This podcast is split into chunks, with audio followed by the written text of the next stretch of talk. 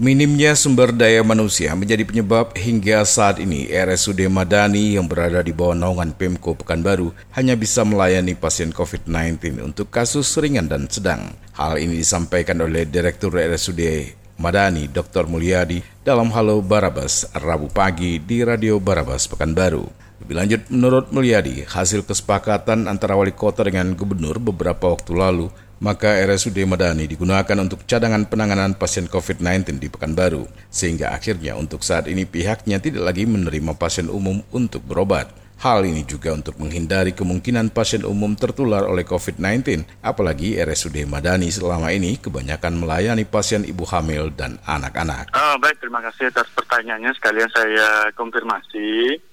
Jadi memang uh, dari rapat-rapat sebelumnya memang kita bersepakat bahwa Rumah Sakit Madani ini akan kita konsentrasikan sebagai rumah sakit untuk menerima kasus uh, COVID-19. Tapi memang karena keterbatasan tenaga dan alat, kami masih membatasi di, untuk kasus PDP ringan dan sedang. Hmm. Karena untuk berat kan butuh ventilator, Betul. butuh tenaga dan Alat ventilator kami punya, kami kekurangan sumber daya manusia hmm. untuk menangani tersebut. Hmm. Jadi uh, harapannya untuk PDP ringan dan sedang itu kita konsentrasi di sana. Hmm. Karena kita mengingat uh, merawat pasien PDP yang berisiko untuk tinggi tertular ke masyarakat dan juga kebutuhan tenaga uh, eh, SDM juga yang keterbatasan, kami memutuskan bahwa layanan pasien umum kami alihkan ke rumah sakit lain. Jadi kami hmm. konsentrasi untuk penanganan pasien COVID. Hmm.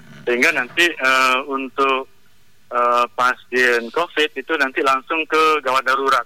Oh. Jadi memang resiko penularan bagi masyarakat kalau kami buka juga untuk umum hmm. itu sangat tinggi sekali. Jadi kami menghindari itu hmm. uh, karena kasus Madani kan lebih banyak kasus ibu hamil dan anak-anak. Hmm. Jadi memang kita mengurangi itu sampai mudah-mudahan COVID ini selesai, kita akan buka normal kembali seperti biasa. Untuk umum, ya. Ya, Baik. betul. Hmm. Terima kasih Dokter Mulyani, juri bicara gugus tugas COVID-19 di Kota Pekanbaru. Selamat bertugas kembali, ya. sehat selalu dokter. Prima Ermat, Tim Liputan Barabas melaporkan.